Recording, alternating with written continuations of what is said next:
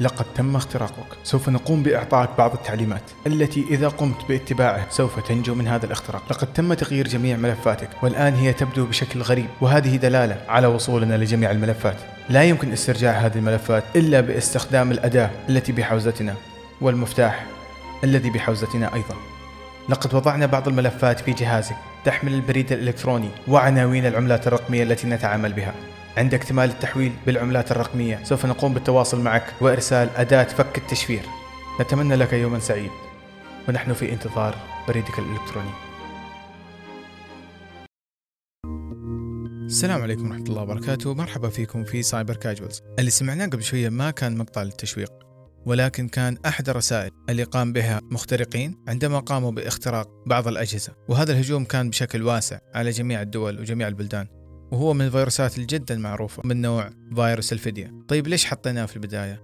كنا بس نبغى نوريكم إيش الوضع اللي راح تكونوا فيه وإيش الرسالة اللي راح توجه لكم في حال اختراقكم. ما حد فينا يبغى يكون في هذا الموقف. جميع ملفاتي مشفرة بمعنى إني ما أقدر أدخل عليها. في ناس كثير يقولوا إنه والله الملفات حقتي مهمة ما عندي أشياء مهمة أخاف عليها. ولكن خلينا نراجع شوية إيش المعلومات اللي موجودة عندك. عندك صور خلينا نقول محرجة. عندك معلومات ما تبغى أحد يشوفها في إيميلك. عندك business ما تبغى أحد يدخل على الإيميل حقه. أو حتى لو كان عندك صور لأطفالك وهم صغار. وهذه الصور لا يمكن استرجاعها لأن الزمن ما حيرجع لورا. الهاكرز حيسرقوها كلها. وحتى الأشخاص اللي أنت متصل فيهم على الإنترنت على ال social media على الواتساب راح يتواصلوا معاهم. ويحاولوا ينتحلوا شخصيتك عشان يقوموا باختراقهم أيضا. أو يطلبوا منهم تحويل بعض المبالغ المالية بصفتهم أنت. وهنا يحطوك في مشاكل أكبر. أحد القصص اللي جاتني إنه في أم فقدت جميع ذكريات أطفالها وهم صغار لأنه ما كان عندها نسخة احتياطية من الملفات اللي بحوزتها وما كان عندها نسخ من هذه الصور وهذه الصور تم اختراقها فبالتالي كنز جدا كبير لها ضاع ولا يمكن استرجاعه أبدا حتى لو تواصلت مع هذول المخترقين مو أكيد راح يقدروا يرجعوا لك جميع الملفات. هم هدفهم الأساسي أنه يخربوا يحطوك في حالة خوف معينة عشان يستحوذوا على أشياء موجودة في جهازك وبالتالي يطلبوا منك فلوس أو تحويل بالبيتكوين أو بالعملات الرقمية عشان يرجعوا لك هذه الملفات. عشان كذا أرجوك لا تتهكر. ممكن البعض يعتقد أني أنا بحاول أوجه الناس لعدم استخدام التقنية وهذا شيء خاطئ جدا لأنه في هذا العالم الجديد ما في أحد عايش بدون استخدام التقنية والتقنية أصبحت أساس لسير الحياة في هذا العالم الجديد. ولكن استخدامنا للتقنية ما يعني أنه إحنا راح نستخدمها بشكل مستهتر لأنه زيها زي أي تقنية موجودة. السيارات هي تقنية وإحنا بنستخدمها بضوابط معينة عشان نحمي أنفسنا من مخاطر الطريق. في عالم الأمن السبراني يوجد تقنية وأنا من الناس اللي يشجعوا الأشخاص لاستخدام التقنية. ولكن في حاجات بسيطة ممكن نسويها عشان نحمي أنفسنا وما نتهكر. أنا درست هذا الموضوع بشكل كبير بشكل موسع خلال خبرتي في سنوات طويلة في مجال الأمن السبراني ولخصت أساسيات الحماية في خمسة أشياء أساسية. لو سويناها إن شاء الله ما راح نتهكر. أول شيء وبشكل أساسي لازم تعرف فين معلوماتك. هذا شيء جدا مهم ما يعرفه أشخاص كثير. فبيقول لك أنا معلوماتي موجودة في جوالي. ولكن هل أنت قمت بعمل نسخ احتياطية من هذا الجوال؟ إذا كان جوابك نعم فبالتالي الجهاز اللي أنت سويت فيه نسخة احتياطية فهو أحد الأجهزة اللي موجودة في معلوماتك. فهذا برضو لازم تحميه زي ما تحمي جوالك. لأنه على سبيل المثال لنفرض أني أنا قمت باختراق حساب الآي كلاود اللي عليه ال backup حقك أو عليه النسخة الاحتياطية لجوالك. أقدر أجيب جوال نفس الإصدار حق جوالك وأسترجع النسخة الاحتياطية حقتك في الجوال الجديد. بالتالي أنا استنسخت جهازك اللي موجود في يدك وعندي القدرة للحصول على جميع المعلومات الآن. فعشان كذا نرجع ونقول أهم حاجة وأول حاجة دائما هي معرفة فين توجد معلوماتك. الحاجة الثانية الأساسية هي بعد معرفة معلوماتك فين موجودة هي حماية هذه المعلومات. وفي الغالب المعلومات هذه بتكون في مكانين. إما مكان تقدر تمسكه بيدك كجهازك أو جوالك أو تكون في الكلاود. طيب كيف نحمي الكلاود أو الجهاز؟ عشان تحمي الجهاز اللي تمسكه بيدك فعندك حاجتين لازم تسويها. الحاجة الأولى هي عدم ترك هذا الجهاز في متناول الجميع لأنه ممكن الأطفال بحسن نية يمسحوا هذه المعلومات. ممكن يضغطوا على رابط معين الرابط هذا يكون طريق للهاكر عشان يدخل على جوالك. الشيء الثاني والتكميلي وهو وضع كلمة مرور مناسبة وما هي ضعيفة لهذا الجهاز. بمعنى ما يكون ال password حق الجوال حقي صفر صفر صفر صفر أو واحد واحد واحد أو واحد اثنين ثلاثة أربعة. هذه أشياء أي واحد حيسرق الجوال راح يجربها. فبالتالي أنت كأنك ما حطيت ال password هذه أبدا. ووجودها زي عدمه فمن غير المستغرب أنها تتسرب بحالة سرقة الجوال. ولكن لو كانت هذه المعلومات موجودة في ال cloud فهناك أشياء أساسية لازم تسويها شرحناها في الحلقات السابقة. ولكن الشيء الأساسي هو تفعيل الدخول الثنائي. إيش يعني الدخول الثنائي؟ الدخول الثنائي له صيغ جدا كثيرة ولكن أسهل صيغة منه بتكون عن طريق رسالة بتجيك على الجوال بعد الباسورد. الرسالة هذه راح تمثل خط الدفاع الثاني لك للدخول على هذا الحساب.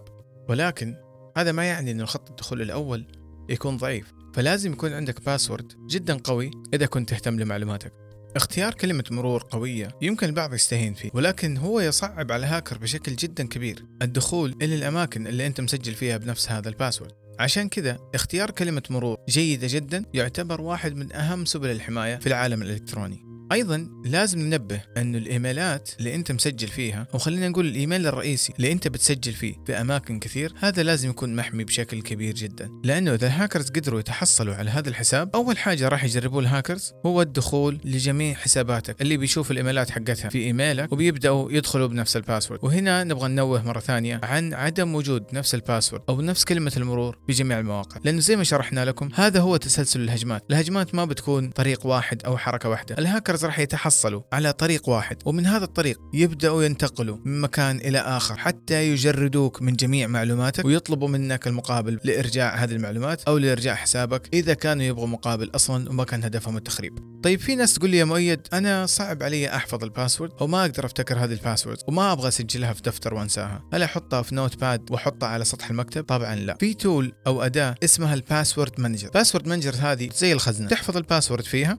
ولكن لا يمكن فتحه أو الدخول له إلا عن طريق فك التشفير. فبالتالي حتى لو الهاكر تحصل على جهازك لا يمكن له فك تشفير هذه الملفات إلا بالمفتاح اللي موجود معك. يكون جدا صعب على الهاكرز معرفة كلمات المرور حقتك وأنت تقدر تحط أكثر من password مختلف لأكثر من حساب. في أدوات كثير مجانية لل password manager إذا حابين تعرفوا عنها أكثر ارسلوا لي على الإنستغرام وإن شاء الله راح أرسل لكم قائمة بالبرامج اللي راح تساعدكم في هذه الأشياء. الحاجة الثالثة اللي أبغى أتكلم عنها لحماية معلوماتك هي احترام خصوصيتك. بمعنى إذا في صور أنت حاسس أنه في يوم من الأيام الصور هذه راح تزعجك أو لو أحد قدر يتحصل عليها حتى لو كان ال account حقك private إنه لو أحد تحصل على هذه المعلومات أو هذه الصور راح يبتزك بيها. فالأفضل أن الصور هذه ما تكون موجودة أو ما تحطها في مكان يمكن الوصول له عن طريق الإنترنت. الصور هذه تنحط في مكان مغلق لا يمكن الوصول إليه فبالتالي أنت تقلل احتمالية التهكير والوصول لها. وطبعا الأولى إنك ما تنزلها بال social media حتى وإن كانت في ال story. في برامج كثير تحفظ هذا ال story لأن ال story هذا في النهاية هو موجود في ال social media معناته إنه هو موجود في الإنترنت.